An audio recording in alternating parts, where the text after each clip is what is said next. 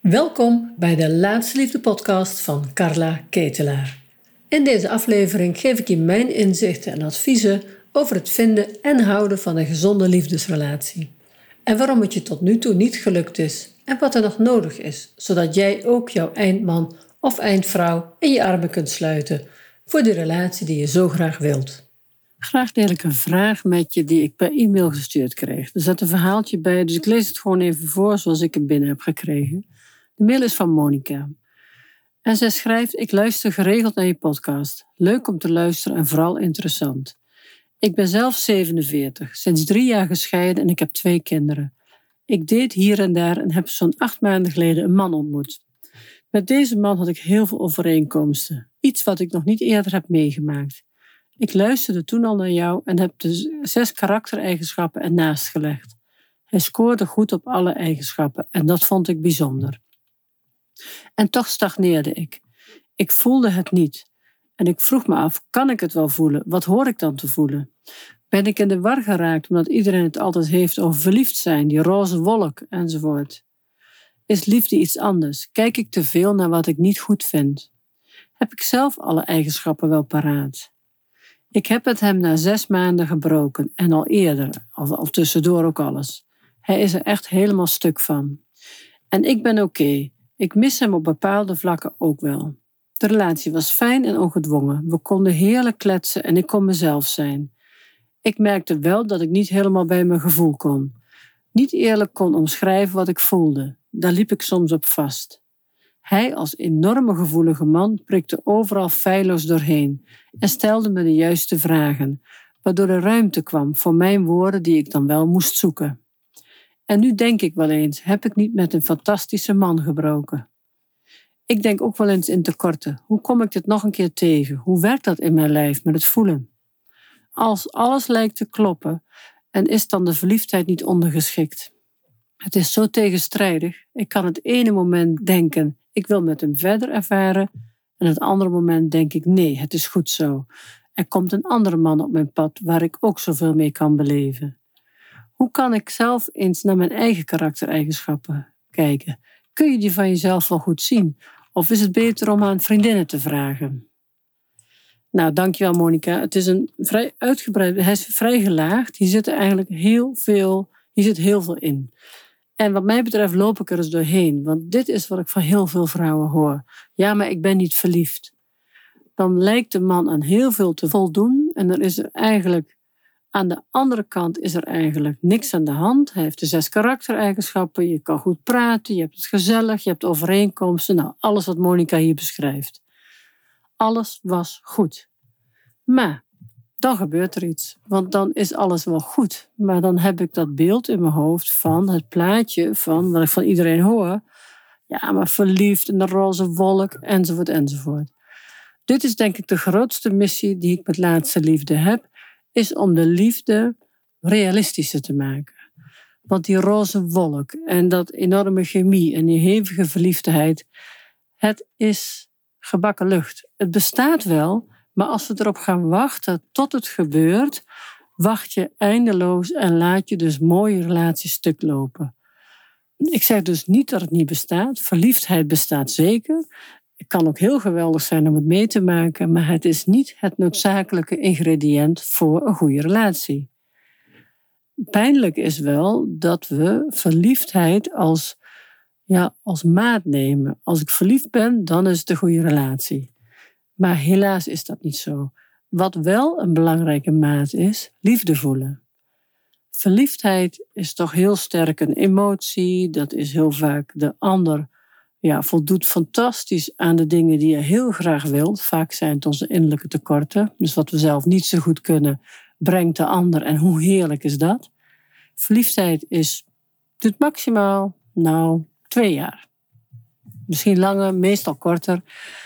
En een verliefdheid van twee jaar, ik denk dat je dan echt al over lang al over liefde hebt hoor.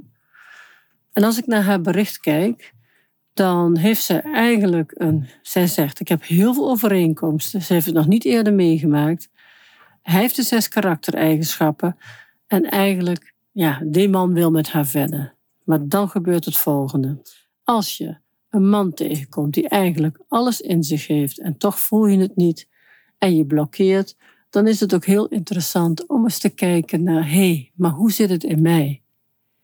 Want als ik dit verhaal van Monica goed inschat, dan vermoed ik dat zij zelf een negatieve ervaring heeft in de liefde. Dus dat haar zelfvertrouwen in de liefde eigenlijk laag is. Dus dat ze een soort onzekerheid heeft in de liefde. Dat schrijft ze eigenlijk ook. Ik weet niet wat ik moet voelen. Klopt het nou wel? En die onzekerheid maakt dat zij een soort afstand neemt van een gezonde, enthousiaste, liefdevolle man. En zij vraagt dus letterlijk: laat ik nu een hele mooie liefde lopen? Ja, Monica, dat doe je. En je bent niet de enige. Ik zie zo ontzettend veel relaties die ergens in het begin of na een jaar of anderhalf jaar toch gestopt worden, omdat als we ervaringen hebben, wat ik van Monica dus lees, is dat ze eigenlijk nog niet eerder heeft ervaren wat onvoorwaardelijke liefde is. Ze vindt het heel bijzonder. Uh, hij heeft de zes karaktereigenschappen, dat kent ze niet. Een man die zich in haar verdiept, kent ze niet. Dus wat gebeurt er? Iets wat we niet kennen. Dus zij is waarschijnlijk voorwaardelijke liefde gewend. Dus uh, er moet iets zijn, er moet iets terugkomen voor ik de liefde verdien. Deze man houdt onvoorwaardelijk van haar. Hij vindt haar helemaal top. En dan gebeurt er iets. Als jij dat niet gewend bent, uh, dan kan er iets in jou gebeuren dat je denkt: ja, maar dit klopt niet. Het is niet genoeg. Of uh, dit is raar. Of uh, kan toch niet, hij kent me nog amper. Hoe kan hij nou wel van me houden? Dan doen wij, omdat we het niet kennen en ja, een stap verder is, als we het zouden toelaten, wat gebeurt er met ons als we nog nooit onvoorwaardelijke liefde hebben gehad en we laten het toe? We laten het werkelijk toe. Dan ga je de pijn voelen van jouw hele leven waarin je de onvoorwaardelijke liefde nog niet hebt ervaren. De eerste keer dat iemand jou om niets lief heeft, en je bent het niet gewend. De meeste kinderen worden opgevoed met we houden van jou als. Dus als je lief bent, als je je best doet, als jij goed voor mama zorgt, als jij dit of dat, nou, noem het. Er zijn allemaal redenen om van kinderen te houden als ze aan bepaalde voorwaarden voldoen. Mogelijk volgen daar ook nog een aantal relaties op, waarbij je ontzettend je best doet om ja, het toch goed te doen in de liefde. Maar de vraag is, als je wegloopt of een relatie beëindigt van een man die alles in zich heeft, en wat ik ook lees, er is wel liefde van haar. Alleen zij, het is net alsof ze dat niet kan toelaten, want ze, houdt het vergrootglas voor de verliefdheid die ze niet herkent. En dat is mijn missie, de eenzijdige invulling dat er verliefdheid zou moeten zijn voor je goede relatie die bederft onze liefdeswereld enorm. Want de meeste relaties ontstaan vanuit goed voelen, vanuit vriendschap, vanuit ik, ik, ik, ik, ik vind het geweldig met je, ik vind het gezellig met je. En dan stijg je niet tot grote hoogte op en dan zijn er geen, uh, hoe moet ik het zeggen, allemaal bijzonder, bijzondere dingen. Het is gewoon rustig en goed. En dat is namelijk liefde. Liefde dat je kan zijn wie je bent, dat de ander het beste voor je wil, dat hij doorvraagt, dat hij ja, er gewoon voor jou is. Maar wat we vaak doen, is dat wat we niet kennen, afwijzen. En we kennen het niet, dus wijzen we het af, want als we het toe zouden laten, dan zouden we ons bewust worden van wat we al die jaren gemist hebben. Ik noem dat de pijn van het niet geleefde leven. Ik heb het zelf heel sterk gehad in mijn relatie met Steven, dat ik echt een jaar lang vrij vaak moest huilen, omdat ik toen pas voelde van, is het zo bedoeld? Is de liefde zo bedoeld? Ik hoor het van steeds meer vrouwen. Als je echt in een goede, gezonde relatie zakt en je laat het toe, dan ga je ook voelen wat er al die jaren niet was. Ik pak haar dingen nog even, want ze schrijft eigenlijk heel veel. Dus hij scoorde goed op alle zes karaktereigenschappen. Ik denk dat zij bepaalde onzekerheid heeft over zichzelf. Dat ze op zelfvertrouwen in de liefde niet hoog scoort. Die vooral. en volwassenheid. Ik denk dat zij een beetje met haar hunkerende meisje aan het daten is. En het hunkerende meisje, die, ja, dan is er namelijk heel veel wel. En dan zien we toch nog iets wat er niet is. De verliefdheid is er niet. En dan verbreek ik het. Want ook al is al het andere er wel, ik heb begrepen dat verliefdheid er ook bij hoort, dan zal dit wel niet de juiste man zijn. En zij vraagt, en ze zegt eigenlijk van, goh, en dan ga ik verder daten, want dan komt er wel weer een man op mijn pad. Maar ik heb niet zo goed nieuws voor Monica, want met een man, als ze weer zo'n goede man gaat ontmoeten, wat ik van harte voor haar hoop, maar wat natuurlijk ook maar de vraag is, als ze weer zo'n goede man gaat ontmoeten, gaat hetzelfde principe plaatsvinden. Want het ligt niet aan de man en het ligt niet aan de verliefdheid, het ligt aan haar hart wat nog op slot zit of haar hart wat ware liefde niet kent.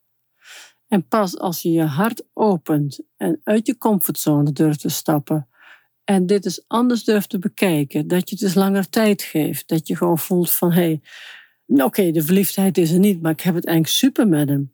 Ik ga het gewoon verder met hem. Maar omdat we vanuit een oude hunkering of vanuit een oude overtuiging onszelf iets vertellen, of eigenlijk het, verkeerde, ja, het verkeerde informatie volgen. Een verkeerde informatie vind ik, verliefdheid is noodzakelijk voor een relatie. Ik schrijf er ook over in mijn boek. Uh, de de, ik heb verschillende fabels van de liefde beschrijf ik. En eentje is ervan dat verliefdheid noodzakelijk is voor een goede liefde. Um, ik ben even naar haar bericht aan het kijken. Het, had, het was zo gelaagd eigenlijk. Ja, dus uh, nu denk ik wel eens, heb ik niet met een fantastische man gebroken? Ja, dat heb je. Dus ja, als hij nog beschikbaar is, ik ging het nog eens opnieuw bekijken met hem. Kom ik dit nog een keer tegen? Nou, dat is inderdaad de vraag, want het klinkt echt heel goed wat je met hem had. En als alles lijkt te kloppen, is dan de verliefdheid niet ondergeschikt? Ja, je geeft eigenlijk zelf het antwoord al. Als alles klopt, doet verliefdheid er gewoon niet toe. Ik heb het altijd over de 80-20 regel in relaties.